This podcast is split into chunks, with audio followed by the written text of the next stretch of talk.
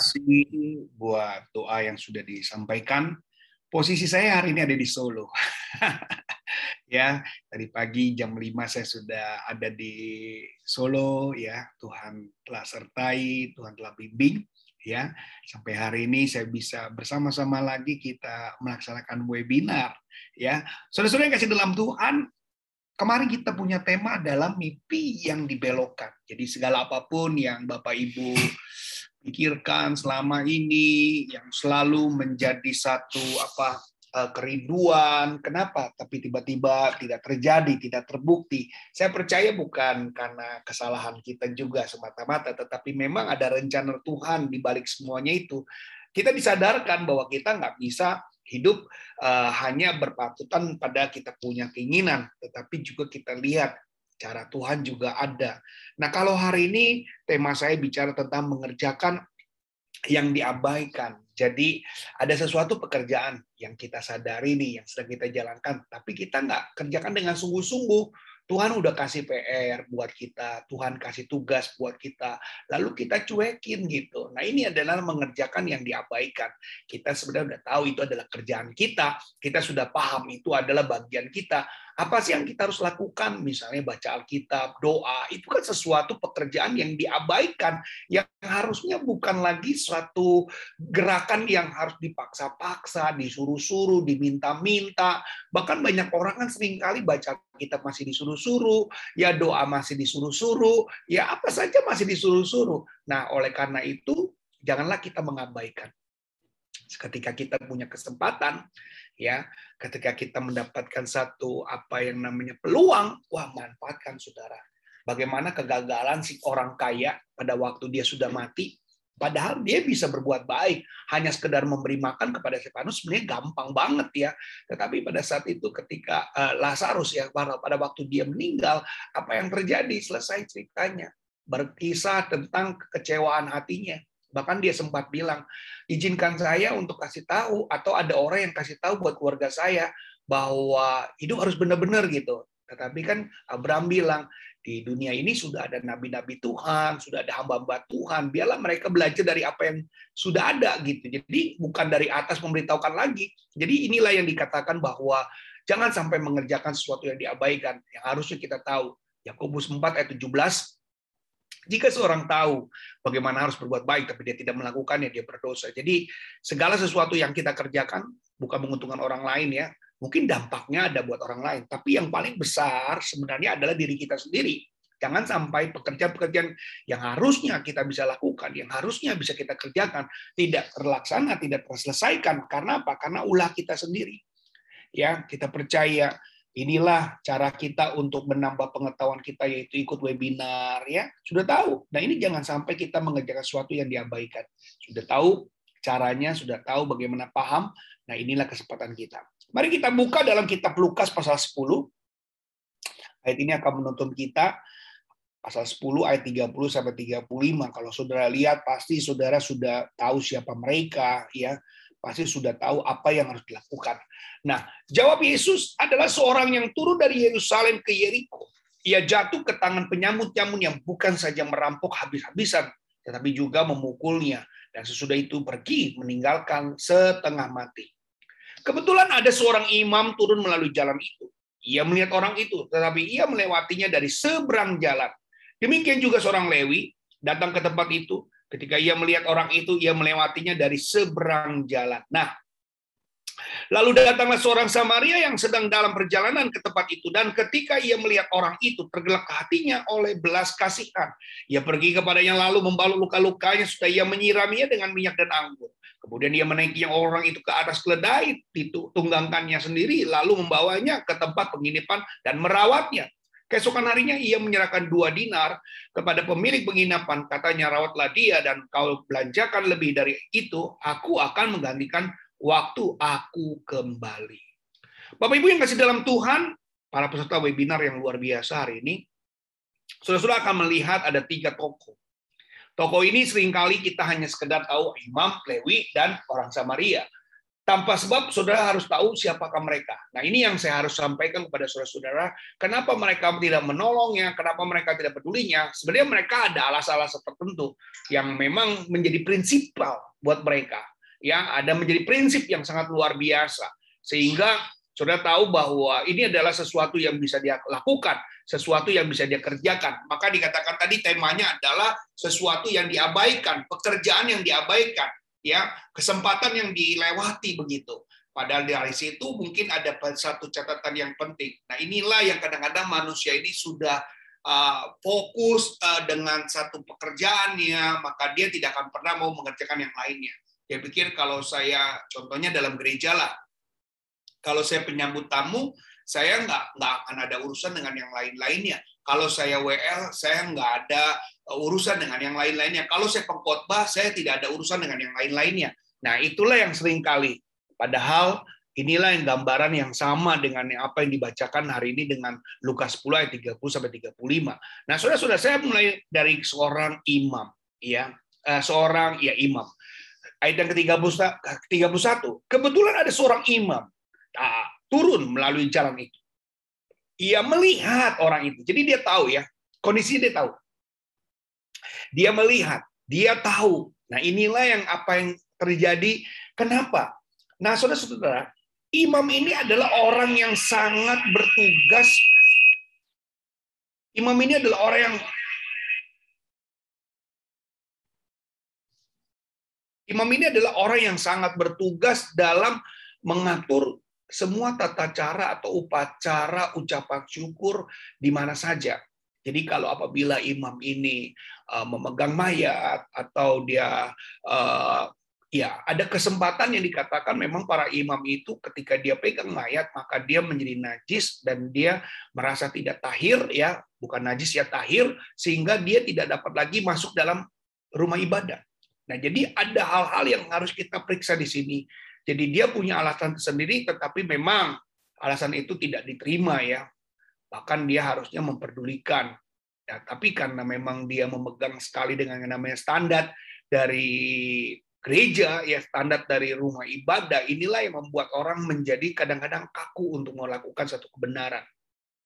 Imam masuk dalam pelataran itu satu tahun satu kali ya atau satu tahun eh, saat ini bisa dua tiga kali mereka dan kesempatan itu tidak akan mereka ulangi lagi masuk sampai berakhir tahun depan jadi inilah yang membuat prinsip dia kenapa dia tidak menolong. Sudah selama ini hanya tahu dia tidak baik, sudah hari ini hanya tahu dia tidak benar, dia harusnya menolong orang kok dia nggak nolong. Padahal kan dia namanya imam. Imam itu udah nggak bedanya sebagai gembala sidang, imam itu udah sebagai pemimpin tua-tua gereja.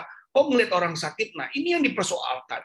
Dia punya prinsip sendiri kenapa dia tidak menolong orang tersebut. Yang pertama dia nggak boleh pegang mayat karena dia udah tahu orang itu di ayat yang ke-30 meninggalkan setengah mati. Jadi kalau sempat dia memegang mayat ya, ya selesai dia. Dia tidak akan pernah bisa memegang dan memimpin upacara-upacara ucapan syukur ataupun uh, mesbah yang ada pada saat itu yang sering kali dilakukan oleh sinagog ataupun uh, bait Allah. Nah, jadi saudara-saudara akan memahami kenapa dia tidak menolongnya. Nah, jadi prinsip yang prinsip ini dia tidak bisa lepaskan, saudara. Kadang-kadang kita juga sedemikian ya kita bukan kita juga kadang-kadang sebagai seorang imam juga yang tanpa disadari kalau kita tengok kelakuan kita tingkah laku kita ya seperti itu. Kita hanya baik kepada orang yang kita kenal kita hanya mau menolong orang yang kita tahu ya tapi lebih daripada itu biasanya kita tidak lakukan.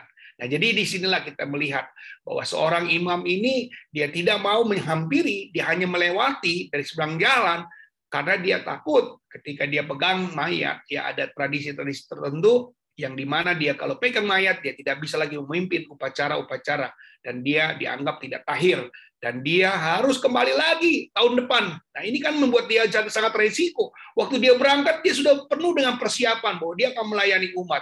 Tapi ketika melihat ya bisa saja di sekitar imam itu enggak dia imam itu kalau jalan nggak sendiri ya bapak ibu ya pasti ada dengan gerombolan-gerombolan Ya, jadi imam ini adalah gerombolan-gerombolan ketika imam itu mungkin dia punya niat untuk menolongnya. Tapi para para teman-teman yang ada di kiri kanannya bilang, jangan, jangan, jangan, kamu jangan pegang mayat itu.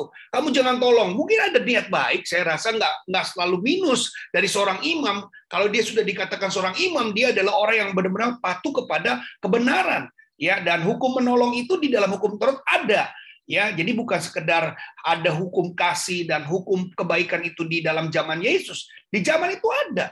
Tetapi karena banyak halangan-halangan, ya harusnya dia berikan contoh kepada banyak orang seperti Yesus, dia melewati hari Sabat, ya dia sangkal hari Sabat, dia gagalkan hari Sabat untuk menyembuhkan orang lain. Buat dia nggak apa-apa, mana lebih baik menolong orang uh, pada hari Sabat, apalagi apa apa uh, gini, menolong orang pada hari Sabat atau meninggalkan orang mati pada hari Sabat. Jadi itulah yang sering kali sampaikan. Nah, jadi hari ini kita jelas kita tahu bahwa imam ini yang tidak datang dengan sendiri, tidak jalan dengan sendiri, dia dengan gerombolan-gerombolan, pastinya dikatakan pada waktu dia menolong mereka ya mungkin ada beberapa orang yang harusnya di ayat itu dikatakan uh, imam itu berjalan tetapi teman-teman imam itu menolong orang tersebut. Nah, ini yang persoalan Saudara. Ya, yang Saudara harus tahu juga kenapa imam itu menolong. Ya, biasanya mereka sudah tahu siapa itu dia.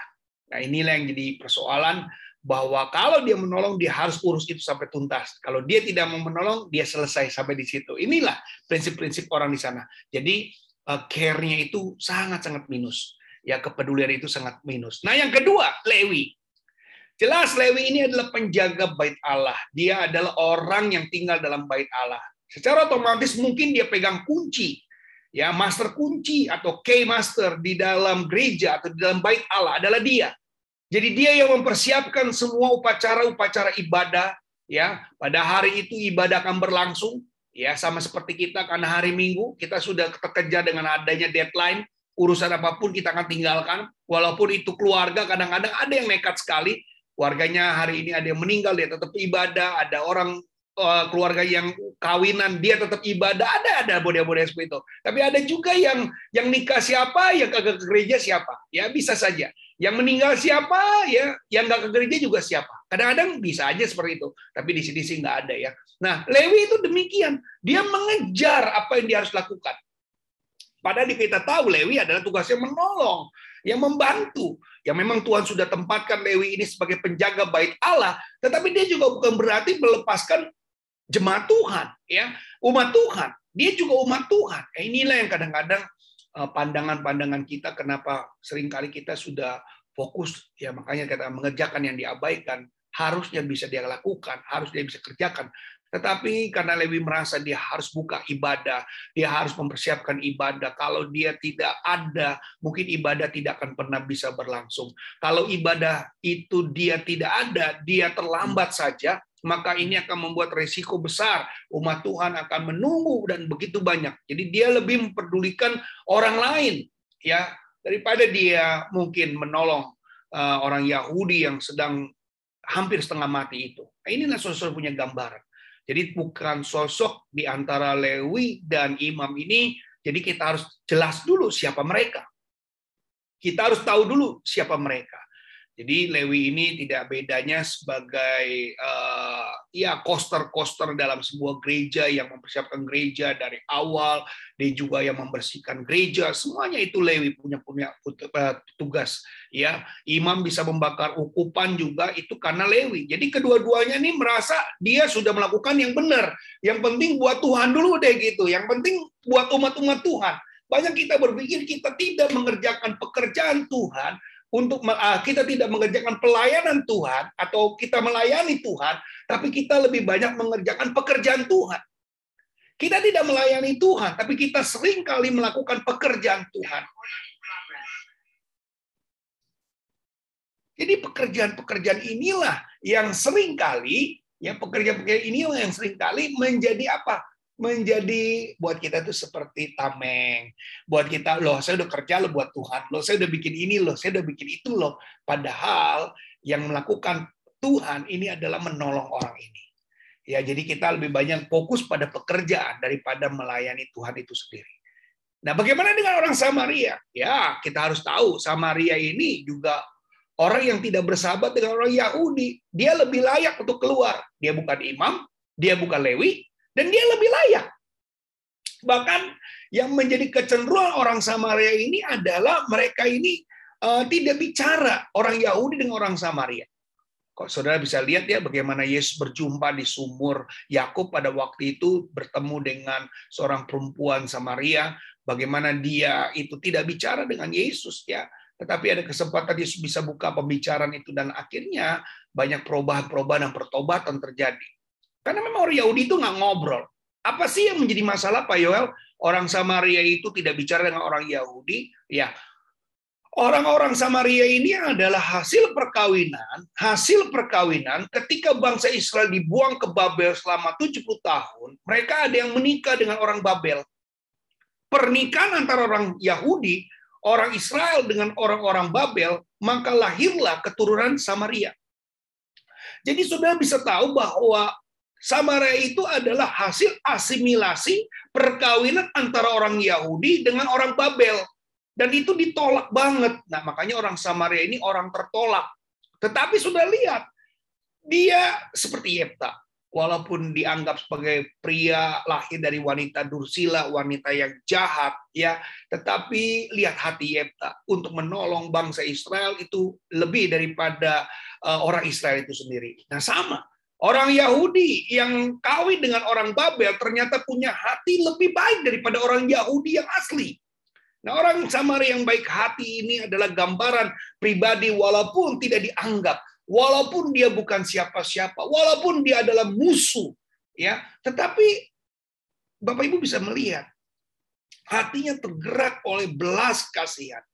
Pak, Bu, memang ini kejadian yang boleh kita lakukan adalah sebuah ilustrasi, tetapi menurut kita ada banyak hal-hal yang kita mengabaikan yang harusnya kita bisa kerjakan tidak kita kerjakan, yang harusnya kita bisa lakukan tidak kita lakukan. Dan kejadian seperti ini banyak silih berganti sering terjadi di dalam setiap langkah kehidupan kita. Sadar, Pak, Bu, inilah bagaimana Tuhan sering kali mau membuat, mengajak kepada saudara dan saya punya sebuah prinsip di dalam langkah kehidupan kita. Apa yang kita bisa lakukan? Apa yang bisa kita kerjakan? Lihat, orang itu dilihat maksudnya orang Yahudi ini yang sudah babak belur, tergeraklah hatinya oleh belas kasihan. Ia pergi kepadanya lalu membalut luka-lukanya. Ini misi yang luar biasa, saudara. Jadi bukan hanya membawa, tapi dia sempat menyirami dengan minyak dan anggur. Kemudian ia menaikkan orang itu ke atas keledai. Dan kalau dia naik ke atas keledai, berarti orang Samaria ini harus turun dari keledai. So pasti, ya tunggangannya sendiri masalah di situ katakan. Keledai tunggangannya sendiri. Saudara bisa bayangkan dia sudah lakukan semua dan inilah yang memang kadang-kadang tidak dilakukan oleh imam dan orang Lewi pada saat itu. Karena dia kalau sudah mengerjakan dia tidak boleh tinggalkan. Itu akan lebih membuat dia lebih jelek nama mereka ya, perbuatan mereka kalau tahu ada orang yang uh, karena dia tahu juga firman Tuhan. Kalau dia sudah menuntaskan pekerjaan itu dan dia harus selesaikan, dia harus bertanggung jawab. Itu kebiasaan orang Yahudi. Orang Yahudi tidak akan pernah mau menolong kalau dia memang tidak memulainya. Tetapi kalau dia sudah memulainya, kenapa orang Samaria ini melakukan seperti itu? Karena memang nenek moyang dalam diri dia, DNA menolong itu sudah ada di dalam diri orang Samaria ini. Kata saya katakan, orang Samaria ini adalah asimilasi perkawinan antara orang Yahudi, orang Israel dengan orang Babel di masa pembuangan 70 tahun di Babel pada saat itu. Nah, saudara-saudara, ini yang dilakukan. Imam tidak akan pernah bisa ya melayani lagi kalau dia sudah melakukan hal yang seperti ini. Apalagi kalau mati. Karena yang ditakutkan oleh imam itu kalau dia pegang mayat, dia selesai. Selesai dia, dia nggak bisa apa-apain lagi. Ya dia nggak boleh pegang mayat. Kalau dia sudah pegang mayat, dia akan terhenti. Eh, dia harus tahir lebih dahulu untuk bisa memulai lagi menjadi orang yang membakar korban ucapan syukur atau korban ucapan uh, korban. Nah, ia menaikkan orang itu ke atas keledai tunggangannya sendiri lalu membawanya ke tempat penginapan dan merawatnya. Ini menarik sekali. 35. Keesokan harinya ia menyerahkan dua dinar. Artinya dia semalaman nungguin. ini yang nggak nggak nggak nggak. Aduh saudara kalau waktu saya baca ayat ini sepintas kita baca asal saja, kayaknya nggak ada yang menarik. Tapi kalau saudara lihat 34 35 ayat ini, wah satu pekerjaan yang dilakukan dengan luar biasa saudara. Satu pekerjaan yang di mana dia harus tinggalkan demi hanya orang yang dia tidak kenal. Demi orang yang membenci dia. Demi orang yang memusuhi dia. Orang Yahudi itu yang orang Samaria sih nggak merasa musuhan, tapi orang Samaria justru mereka mendapatkan satu apa perbandingan, perbedaan atau diskriminasi lah. Orang Samaria ini selalu mendapatkan diskriminasi dari orang Yahudi karena memang orang Yahudi itu saat ini yang paling kuat ya.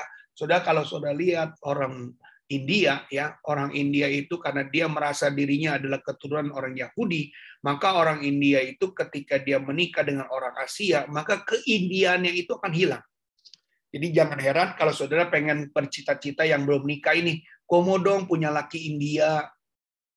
Atau si laki juga bilang komo dong punya istri India. Tidak akan pernah terjadi saudara. Karena ketika India menikah dengan Asia India menikah dengan orang-orang Indonesia, maka keindiannya itu akan hilang. Nah ini yang sering kali kalau dia sudah bukan lagi menikah dengan orang India, jadi India dengan India, maka dia akan kehilangan keindiaannya. Jadi dia bukan lagi orang India. Nah, saudara-saudara ini yang sering kali terjadi, saudara. Dan saya lihat apa yang dilakukan oleh orang Samaria ini yang sedemikian. Mereka laku, tidak menghadapi yang namanya diskriminasi, mereka mendapatkan yang namanya satu perbedaan dan perbedaan. Nah ini dia dapatkan oleh dia. Nah sudah lihat, keesokan harinya ia menyerahkan dua dinar. Sudah naikin di atas keledai, dia harus jalan kaki, ia membalut lukanya, menyiram dengan minyak dan anggur. Mungkin anggur itu sudah dipersiapkan dan minyak itu sudah dipersiapkan untuk keluarganya, dibuka, diberikan kepada orang yang jahat mungkin, orang yang diskriminasi dengan bangsanya. So what? kepada pemilik penginapan juga. Jadi artinya sudah mengobati dia harus diberikan kepada penginapan. Penginapan dikatakan lawatlah dia dan kau belanjakan. Jika lebih, aku akan menggantikannya. Wah, saudara-saudara. Memang kelihatan cuma dua dinar, ya, tetapi ini adalah uang yang cukup besar pada saat itu. Saudara-saudara lihat bagaimana pengorbanan, bagaimana kelakuan dari seorang Samaria. Mari kita mungkin hari ini mulai tergerak hati kita. Iya ya, kadang-kadang esensi kita adalah melayani Tuhan. Padahal kita melayani pekerjaan Tuhan, bukan melayani Tuhan. Kalau melayani Tuhan, ya saya pernah menyampaikan seminar tentang melayani Tuhan dan melayani pekerjaan Tuhan ya. Jadi sudah-sudah saat ini sedang ngapain? Melayani Tuhan atau melayani pekerjaan Tuhan. Imam dan Lewi dia melayani pekerjaan Tuhan, tetapi tidak melayani Tuhan. Orang Samaria dia tidak mengerjakan pekerjaan Tuhan, tapi dia melayani Tuhan. Ini catat baik-baik ya. Ini menarik sekali. Menarik sekali. Ya, Imam dan Lewi dia tidak mengerjakan atau dia tidak melayani Tuhan, tapi dia melakukan pekerjaan Tuhan. Orang Samaria tidak mengerjakan pekerjaan Tuhan, tapi dia sedang melayani Tuhan. Ya, jadi saudara-saudara kita mulai memahami. Makanya kalau kita terus ikut webinar ini, kita jadi pinter, kita jadi paham. Oh ini ya yang dimaksudkan. Nah, saudara-saudara, kalau kita lihat di sini banyak orang yang masih terabaikan dan perlu pertolongan untuk diselamatkan. Saudara-saudara yang kasih dalam Tuhan, kita tahu prinsip besar yang ada di dalam setiap langkah kehidupan kita, prinsip besar yang selalu ada di dalam langkah kita adalah bagaimana kita uh, merasa kita adalah orang-orang yang peduli ya kita tahu bahwa kita adalah orang-orang yang punya kredibilitas, kita punya kemampuan ya. Jadi kita tahu bahwa kalau kita hari ini sebagai orang-orang yang mau ya kita menjadi orang-orang yang paham tentang apa yang menjadi prinsip-prinsip Alkitab ya, kita menjadi orang-orang yang memahami apa yang Tuhan rindukan terjadi dalam diri kita, maka kita percaya ini adalah kesempatan. Saya saya kasih dalam Tuhan, sampai di sini saya akan memutar sedikit sebuah video untuk saudara bisa memperhatikan dan memperhatikan untuk video ini. Ya, saya akan menggantikan sedikit untuk ilustrasi ini supaya sudah bisa lebih memahami. Oke, sebentar saya akan stop share ini. Saya akan berikan video ini untuk saudara sampai ya dalam beberapa menit sudah bisa mendengarkan dan bisa memperhatikan. Ya. Saudara bisa di stop dulu.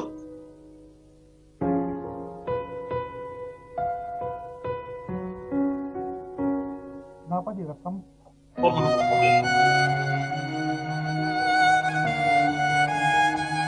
Tiap-tiap kata-katanya bisa melalui.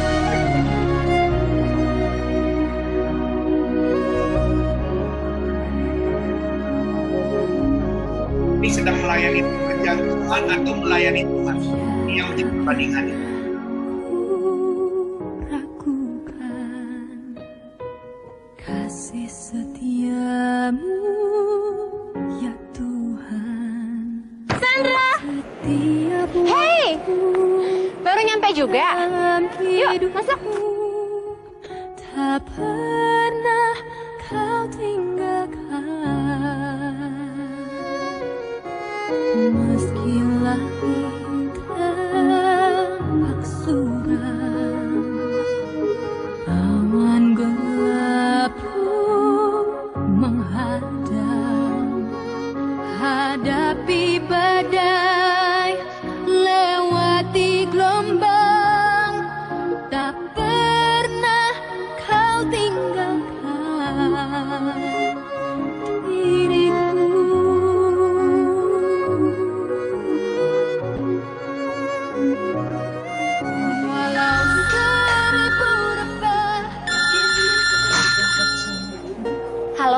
Halo? Helen? Akhirnya, San. Kamu tuh ke mana aja sih? Dari tadi aku telepon nggak diangkat-angkat. Em, iya sorry ya nggak kedengeran tadi maaf ya Iya, nggak apa-apa, nggak apa-apa. Kamu sekarang lagi di gereja ya? Em, iya Jadinya kapan ngajak aku ke gereja kamu? Ntar, ntar, ntar, ntar, ntar, kapan? Buktinya sekarang aja nggak jadi kan? San, aku tuh ngerasa sendiri tau nggak di sini sepi. Pengen banget ngerti soal Alkitab. Ya, paling nggak aku punya pegangan hidup lah. Iya bawel oke ya bye Halo? Nggak jadi lagi. Mau kapan?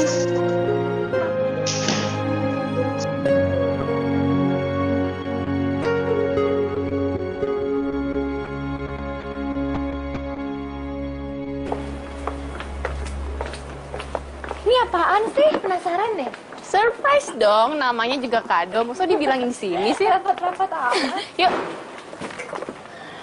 Silakan. ih thank you banget ya Lan lucu Hmm, San. Ingat ya, friends forever. Ya? Oke?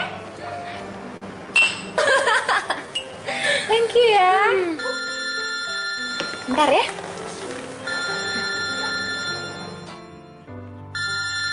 Em, sebentar ya iya Jo Em, sekarang oke aku ke sana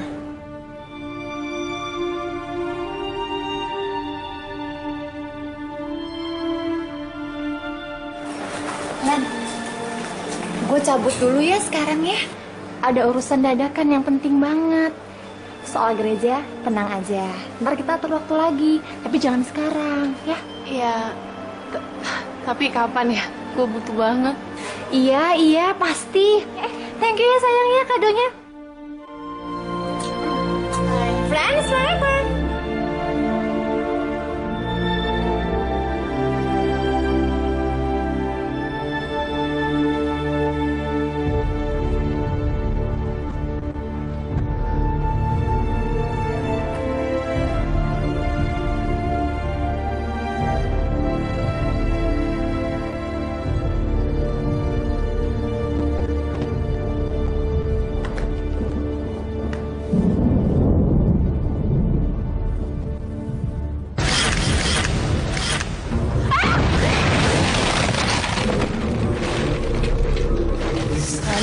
Sahabat. Aku sekarang ada di neraka karena kamu. Setiap hari kita selalu bersama. Tapi kamu tidak pernah mau menunjukkan jalan keselamatan. Kamu tidak pernah mengingatkan aku Tuhan. kamu menyimpan jalan keselamatan untuk dirimu sendiri. Kamu membiarkan aku pegangan dan tersisa karena kamu tidak memperkenalkan aku pada Tuhan. Sekarang aku berada di neraka. Kamulah yang menyebabkan semua ini. Kamu tahu bahwa Tuhan itu benar ada. Kamu menyembunyikan kemuliaannya dariku. Memang, kamu memang mengajarkan aku banyak hal. Tapi kenapa? Kenapa kamu tidak mengajarkan aku tentang jalan keselamatan? Sekarang sudah terlambat. Aku terkurung di neraka. Panas. Dan aku sangat menderita. Aku selalu memanggilmu sahabat. Sadar. Itu semua salah. Aku sudah mencapai akhir hidupku dan sayang. Ternyata aku tidak dapat memanggilmu sahabat.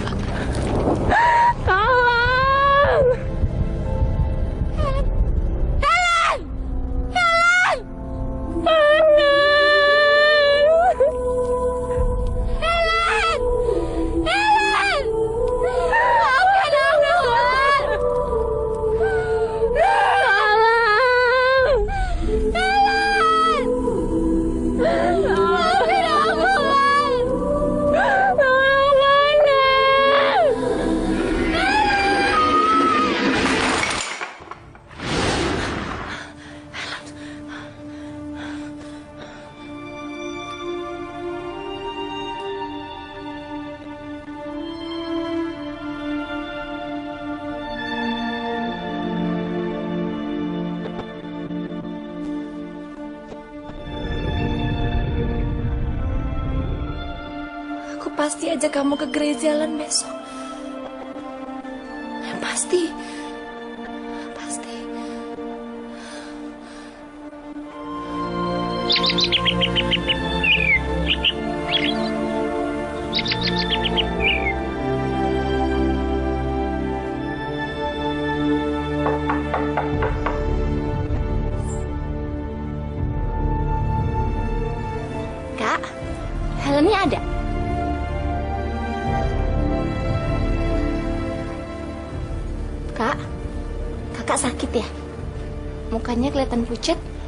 Enggak, enggak.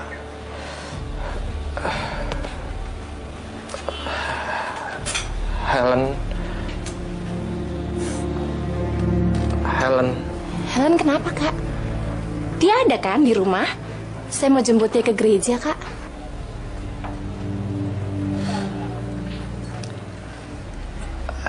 Helen semalam kecelakaan.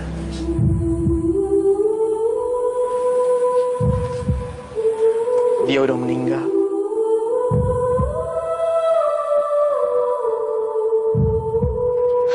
Kakak jangan bercanda kak. Saya serius. Saya mau jemput Helen ke gereja kak. Emang aku kelihatan bercanda? Aku serius. Helen udah meninggal. Semalam. Dia kecelakaan. Kamu kan sahabatnya. Masa kamu nggak tahu sih?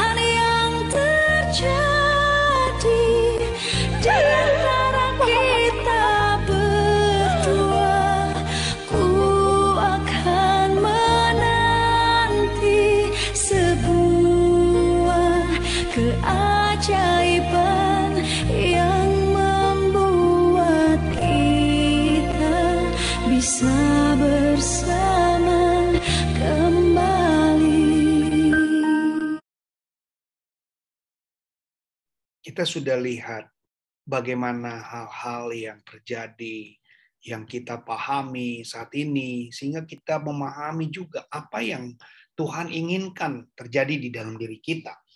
Kesempatan orang-orang yang terabaikan. Ya, kadang-kadang kita berpikir, Tuhan saya sedang melayani apa nih? Pekerjaan Tuhan atau saya sedang melayani Tuhan? Kadang kalau melayani Tuhan adalah mengasihi jiwa-jiwa, ya, melayani Tuhan adalah mencintai orang-orang jiwa yang sedang terhilang. Sudah lihat posisi saudara sudah nyaman, ya, kalau sudah gambar nih, sama seperti saudara sedang melayani Tuhan, sepertinya asik, tetapi ada banyak jiwa-jiwa yang berteriak di bawah untuk mereka minta tolong. Kadang-kadang kita mungkin menemukan suatu hal yang terjal, penolakan-penolakan. Ah, itu adalah hal yang biasa, saudara. Kadang kita nggak sadari. Yesus saja ditolak, apalagi saudara. Amin. Ya, Yesus saja ditolak, saudara. Dia adalah Tuhan ditolak. Apalagi saudara yang nggak bisa bikin apa-apa. Tuhan yang bisa bikin mujizat, bisa bikin ini, dia ditolak. Jadi kalau saudara kalau mau bicara tentang penolakan, Tuhan juga sudah lebih dahulu ditolak. Ya, jadi jangan merasa bahwa ah saya takut ditolak. Ya kan takutnya doang. Keberanian. Maka hari-hari ini uh, kalau kita melayani Tuhan, kita belum apa-apa ya. Belum sampai bercucuran darah, kita belum sampai mengeluarkan darah, ya sampai harus dianiaya, belum. Kita masih punya kesempatan. Maka kalau saudara hari ini mau betul-betul ya janganlah jauh-jauh bukan menyelamatkan yang agamanya Islam sudah selamatkan belum ya. Masih menyelamatkan saudara famili aja itu udah menjadi PR buat kita ya. Menyelamatkan kepada anak-anak kita juga atau saudara kita besan kita ipar kita yang belum percaya kepada Tuhan itu juga sudah menjadi bagian kita kalau kemarin kita pernah belajar bagaimana kita sebut lima orang yang secara khusus supaya kita bisa doakan mereka, supaya mereka juga terus bisa melekat dengan Tuhan. Itu doa kita, ya, saudara-saudara percaya.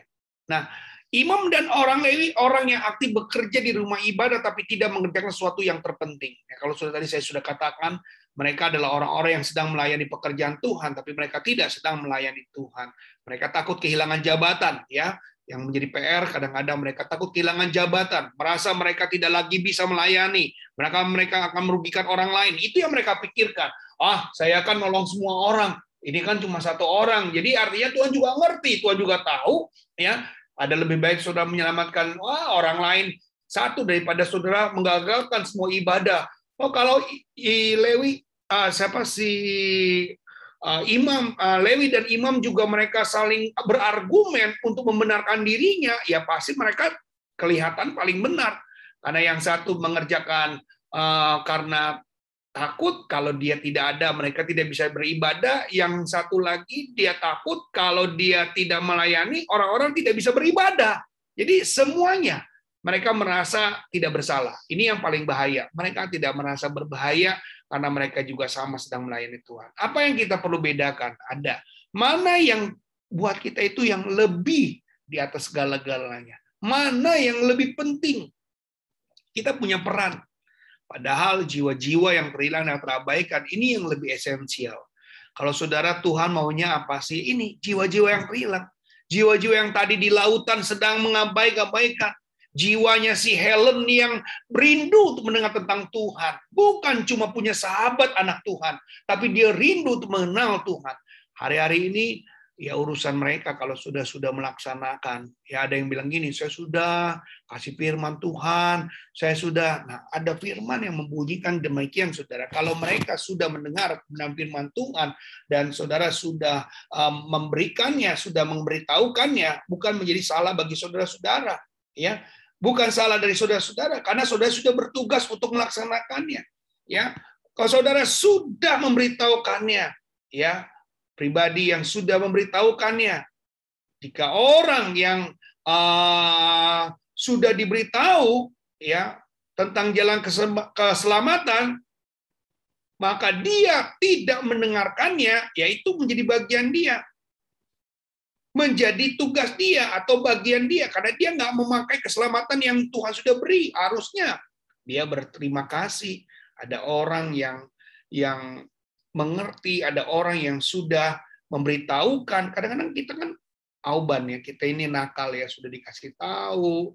Jangan sampai kita uh, tidak mengindahkan, kita harus tahu bagaimana kita harus meneladani, bagaimana kita tahu itu adalah satu bukti Tuhan mau menyelamatkan kita, ya. Jadi kita kan udah jelas jika seorang mengaku Yesus adalah Tuhan, ya Yesus akan menyelamatkan kita. Itu kan yang kita lakukan. Ya. Maka kita percaya bahwa hari ini ada satu jalan yang Tuhan mau adalah menyelamatkan jiwa-jiwa yang terhilang dan yang terabaikan. Dan mana yang opsional?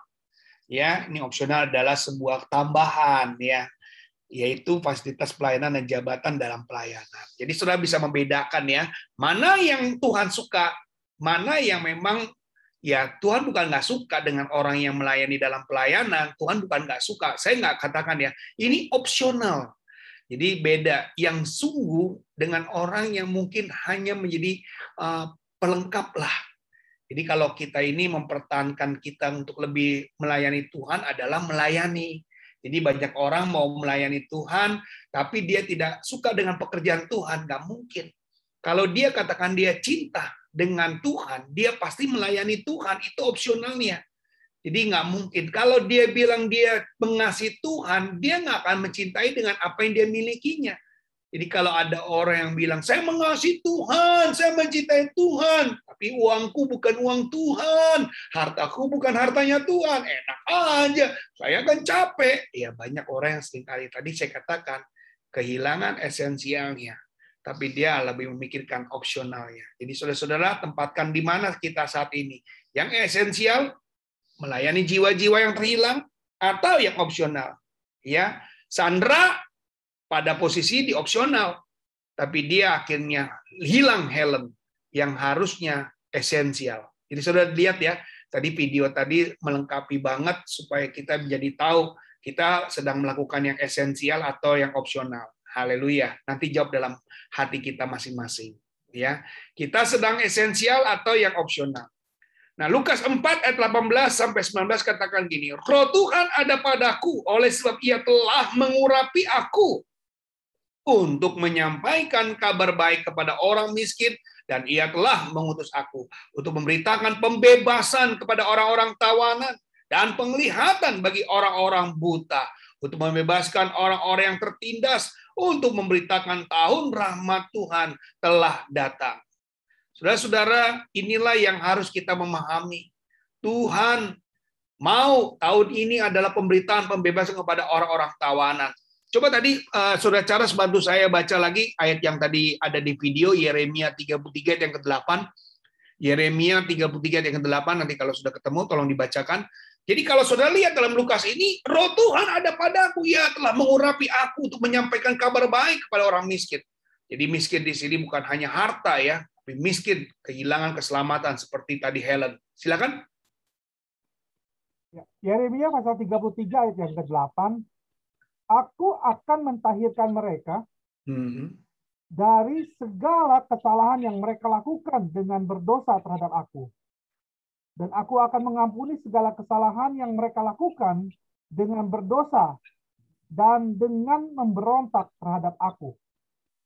Jadi kita bisa lihat bahwa inilah sesuatu yang Tuhan mau bisa lakukan buat saudara. Dia menyelesaikan, dia menuntaskan apa yang saudara saat ini kerjakan. Ya, miskin tadi saya sudah katakan bukan secara harta. Miskin di sini adalah mereka tidak tahu jalan keselamatan. Dikatakan ia telah mengutus aku memberitakan pembebasan kepada orang tawanan. Kadang-kadang kita udah jadi orang Kristen tapi masih tertawan. Tertawan dengan kekhawatiran, tertawan dengan keraguan, tertawan dengan yang namanya kemosi tidak percaya.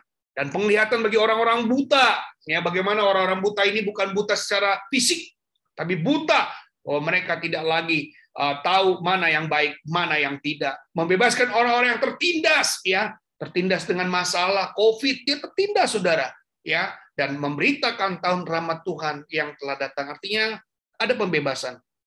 Dan saudara-saudara jangan pernah lepaskan apa yang sudah lakukan.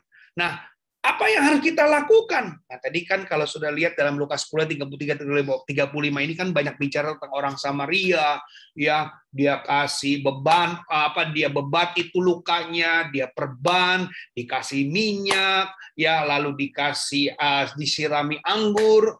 Uh, anggur ini adalah salah satu uh, apa cairan yang sangat baik untuk luka-luka ya. Jadi kalau ada luka yang menganga atau luka yang banyak mengeluarkan darah, biasanya itu digunakan arak untuk menghentikan darah ya.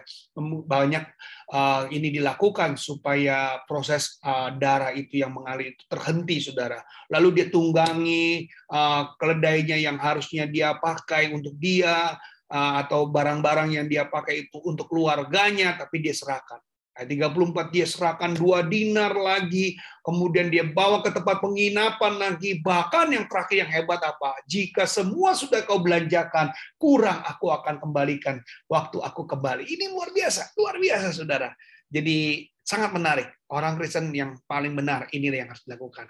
Ya, belas kasihan. Saudara harus memiliki belas kasihan. Sama-sama bilang belas kasihan. Kita datang, katakan kita harus tahu bahwa inilah yang dimulai yaitu tergeraklah hatinya oleh belas kasihan. Saudara harus punya memiliki belas kasihan. Rencana Sabtu ini kita akan uh, memulai untuk ada basar ya. Saya percaya waktu kita basar kita akan bagikan, kita akan share kepada orang-orang yang ada di sekitar kita. Kita mulai sebuah uh, sebuah uh, program walaupun di dalam pandemi ini hampir satu tahun setengah kita tidak melakukannya. Kita mau mencoba dengan cara diatur nanti dengan tim-timnya supaya kita bisa melaksanakan ini dalam waktu satu jam supaya orang lain juga bisa peduli. Inilah melakukan belas kasihan, saudara.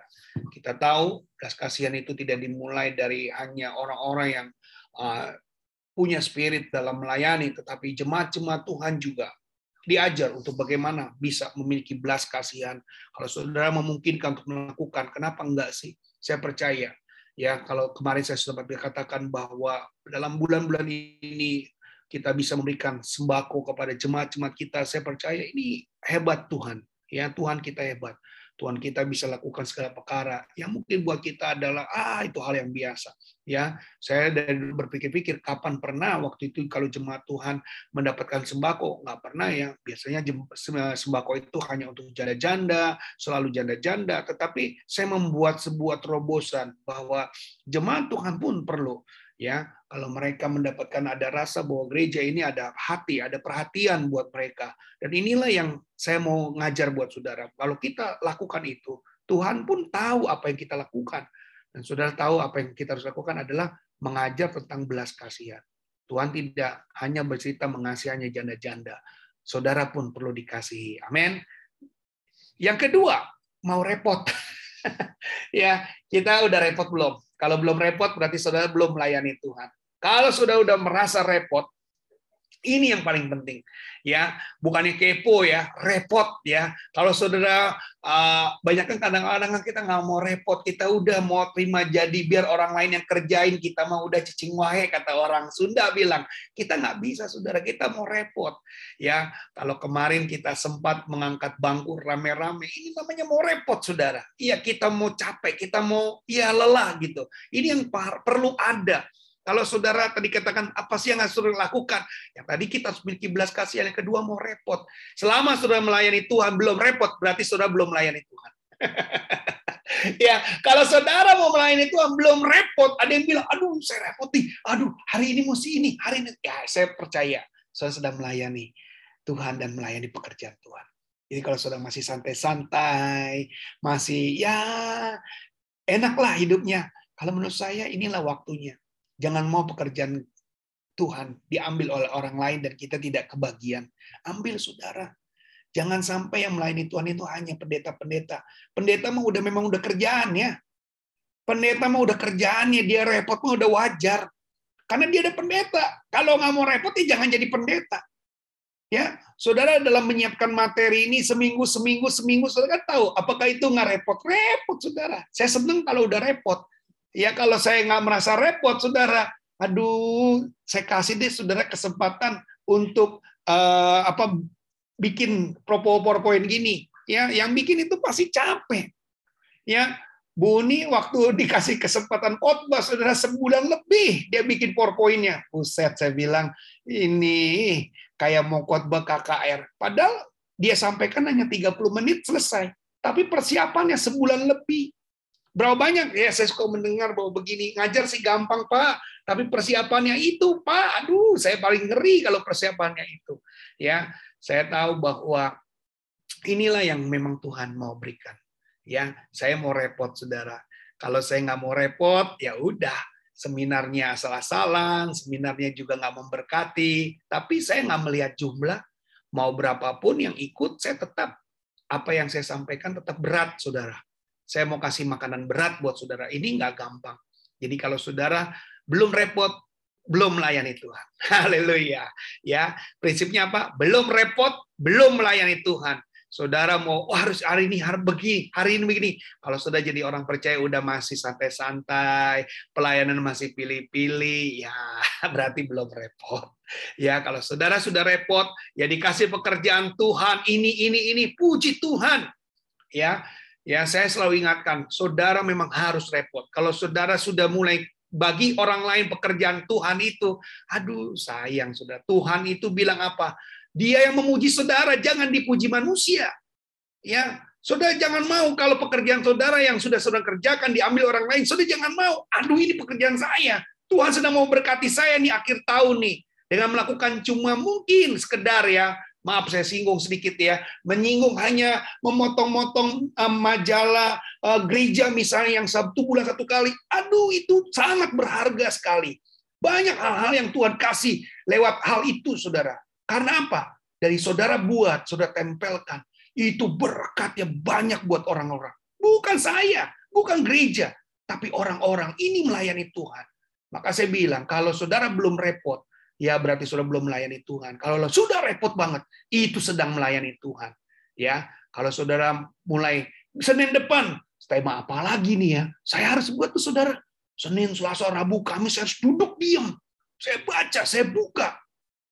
Aduh saudara makanya saya bilang apa? Kalau masih baru saudara cuma ya kadang-kadang Pak Joy minta tolong dong kirimin podcast ya. Saya kalau bikin podcast saudara nggak satu dua empat lima.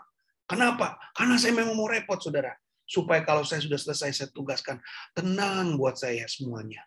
Apakah saya nggak diberikan napasnya berkurang? Enggak. Ya, justru saya senang saudara. Lihat orang Samaria nih, ia pergi kepadanya, membalut lukanya, ia menyiraminya dengan minyak dan anggur, ia menaikkan orang itu, ia membawanya ke tempat penginapan. Ini repot banget saudara, yang sakit siapa, yang rugi siapa, tapi kok saya yang dibuat repot. Ya, yang ketiga bayar harga, harus bayar harga. Keesokan harinya ia menyerahkan dua dinar kepada pemilik penginapan itu. Katanya rawatlah dia dan jika kau belanjakan lebih, artinya kurang, aku akan menggantikannya waktu aku kembali.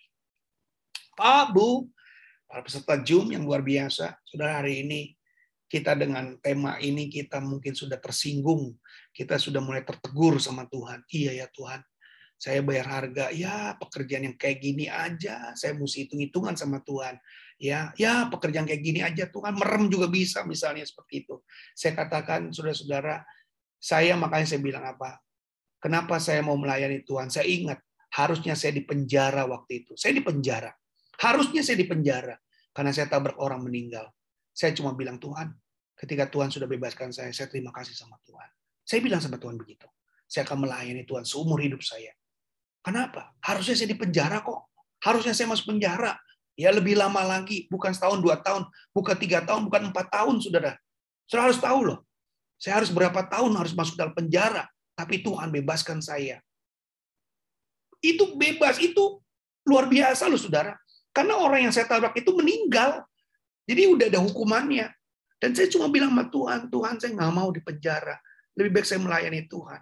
Jadi kalau hari ini saya sampai melayani Tuhan, karena saya ingat dengan komitmen saya. Sudah berapa puluh tahun, saudara, sudah berapa puluh tahun, udah cukup puluhan saya lakukan. Tapi saya nggak boleh berhenti. Kenapa? Sekali saya bicara, saya harus menepatinya. Ya, saya sudah melakukannya. Itu kejadian 91, tahun 91, sekarang tahun 2021. Berarti sudah, iya pas, 30 tahun. 30 tahun saya, Tuhan bebaskan saya. Harusnya saya harus menerima hukuman di penjara. Ya, Jangan bilang gini, Tuhan udah 30 tahun, boleh dong sekarang mundur, boleh dong saya saat ini santai, boleh dong saya nggak mau repot. Nggak bisa, saudara. Ya, sekali saudara sudah diberikan, ambil sampai akhir. William Booth bilang begini, saudara, dia pendiri Salvation Army ya. Saya pernah masuk dalam gedungnya di Australia, ya Salvation Army ini memulai pelayanan kasihnya di Inggris dengan melayani orang-orang yang terabaikan di jalan-jalan. Jadi bahasanya keren ya Salvation uh, Salvation Army, tapi di dalamnya adalah tempat orang-orang terabaikan, saudara. Orang-orang yang kehilangan kasih Allah. Mereka hidup di dalam dosa dan kemiskinan. William Booth ini terpanggil untuk membuat transformasi di Inggris dan semakin hari semakin banyak orang yang menjadi percaya kepada Yesus dan diselamatkan. Itulah latar belakang lahirnya pelayanan Salvation Army. Dan ini juga ada di Korea, ya. Mereka tiap hari kasih makan itu berapa orang sudah tahu? 750 orang tiap hari. Apalagi waktu masa pandemi. Ini lebih berat lagi. Itu sudah ada Salvation Army ini ada di Australia, ada di Korea. Saya melihat tempat inilah tempat memberi makan bagi siapa pun. Orang-orang yang mungkin duafa, orang-orang yang nggak mampu, orang-orang gelandangan, orang-orang yang nggak punya keluarga. Maka kalau orang yang nggak mau makan di sana, mereka tidak datang ke tempat Salvation Army. Mereka mendapatkan ini semua. William Booth memulai pelayanan dengan cara seperti itu. Kita belum bisa melakukan seperti itu. Tapi kalau kita nanti diberi kesempatan, lakukan saudara Jangan pernah. Apa artinya sih ketika kekayaan kita untuk siapa? Kekayaanmu hari ini yang banyak itu untuk siapa? Untuk anak-anakmu? Enggak. Anak-anak itu udah ada berkatnya masing-masing. Kita gunakan untuk memberi, saudara. Saudara nggak pernah miskin. Ingat, saya selalu ingat begini, saudara. Saya dulu datang nggak punya apa-apa. Saya nggak punya barang apa-apa. Saya nggak punya apa-apa. Tapi kalau hari ini saya bisa melakukannya, itu adalah sesuatu yang Tuhan luar biasa lakukan. Maka kalau saudara hari ini masih pelit-pelit sama Tuhan, masih ragu-ragu memberi kepada Tuhan, ini waktunya yang salah. Kita harus berani, saudara. Ingat, kita nggak punya apa-apa dulu. Tapi kalau hari ini punya, itu karena Tuhan. Maka uh, kita bisa mempersembahkan melayani Tuhan lewat harta kita. Bisa melayani Tuhan dengan segala sesuatu yang saya lakukan. Jadi inilah yang si kita bisa kerjakan. Ini yang bisa kita lakukan. Supaya apa? Kita bisa sebagai William Booth. William Booth bisa melakukan ini. Saya percaya William Booth di Inggris dan saudara di Indonesia. Katakan amin. Jangan berdoa tolong kami, berkati kami. Tapi berdoa Tuhan, siapa yang dapat kami tolong? Dan aku mau menjadi berkat. Jangan berdoa tolong kami. Karena gini saudara, Tuhan tahu prinsipnya. Tuhan tahu prinsipnya. Saudara gunakan prinsip Tuhan, berbuat menolong orang lain, maka Tuhan akan menolong engkau. Ya, berbuat buat orang lain, berbuat buat siapa? Berbuat buat gereja, berbuat buat siapa pun. Saudara-saudara, ya, saya melihat kalau kita lakukan itu, ya, selama ini ada seorang ibu yang setiap bulan dia memberikan bantuan untuk janda-janda, dia tidak pernah mengalami kekurangan, saudara. Justru makin dia memberi, dia makin diberkati Tuhan. Dan inilah kesempatan saudara. Jadilah sejarah bagi gereja Tuhan. Jadilah sejarah. Kalau saudara telah menarik, eh, menelurkan atau melahirkan sejarah bagi gereja, saudara juga akan mengalami berkat-berkat Tuhan. Amin. Saya percaya saudara-saudara yang kasih dalam Tuhan, setiap kita menerima hari ini, kita mendapatkan satu pengalaman-pengalaman yang menarik. Kita mengalami satu pembaharuan-pembaharuan yang menarik supaya kita tahu dalam pekerjaan-pekerjaan yang kita lakukan selama ini bukan pekerjaan yang kecil, tapi jauh pekerjaan yang Tuhan memberikan nilai buat hidup saudara. Jadilah orang-orang yang punya nilai dalam hidup ini supaya saudara dan saya alami alami berkat Tuhan. Puji Tuhan. Hari ini saudara-saudara seminar yang sangat menarik buat kita. Biarlah terus saudara dengarkan ya. Kalau nanti biasanya Pak Joy akan mengulang dan saudara ulangi lagi hal apa yang masih kurang, hal apa yang masih saya belum kerjakan dan saya belum lakukan. Dan inilah menjadi PR buat kita, tetap semangat, Saudara sudah bisa membedakan, saudara sedang melayani Tuhan atau saudara sedang melayani pekerjaan Tuhan. Kalau saudara sudah diberkati Tuhan, jangan lupa kepada yang lain. Jangan lupa kepada gereja. Jangan lupa kepada yang lain. Supaya saudara jangan lupa juga, saudara adalah orang yang sudah diberikan karena Tuhan. Kalau bukan Tuhan, saudara bisa teriak-teriak, saya dapat ini karena Tuhan loh. Saya dapat ini. Tetapi Tuhan tanya, kapan kamu bawa ke rumah Tuhan? Kapan kamu bisa berikan kepada rumah Tuhan? Semuanya buat kamu, semuanya milik kamu, semuanya udah Tuhan kasih, tapi kamu nggak pernah memberi kepada Tuhan. Nah, ingat saudara, ya kalau kita sudah menerima semua dari Tuhan, lalu kita juga hanya menyimpan, ingat Tuhan kasih kita dua tangan, tangan kiri dan tangan kanan. Yang satu menerima, yang kiri memberi. Yang kiri memberi, yang kanan menerima. Tidak akan pernah salah. Kalau saudara sudah lakukan, artinya apa? Ada keseimbangan. Keseimbangan sudah melayani Tuhan. Keseimbangan sudah juga menerima berkat Tuhan. Amin. Amin. Haleluya. Apa sampai di sini ada pertanyaan kira-kira? Haleluya. Ada pertanyaan? Puji Tuhan. Kalau semuanya paham, boleh kasih reactionnya. Boleh, saya butuh jempolnya. Wah.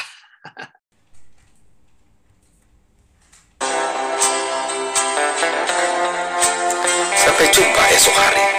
Kiranya damai sejahtera dari Allah Bapa, kecintaan dan kasih karunia Tuhan kita Yesus Kristus, persekutuan serta penghiburan Roh Kudus menyertai kita sekalian mulai hari ini sampai Maranatha Tuhan Yesus datang. Amin.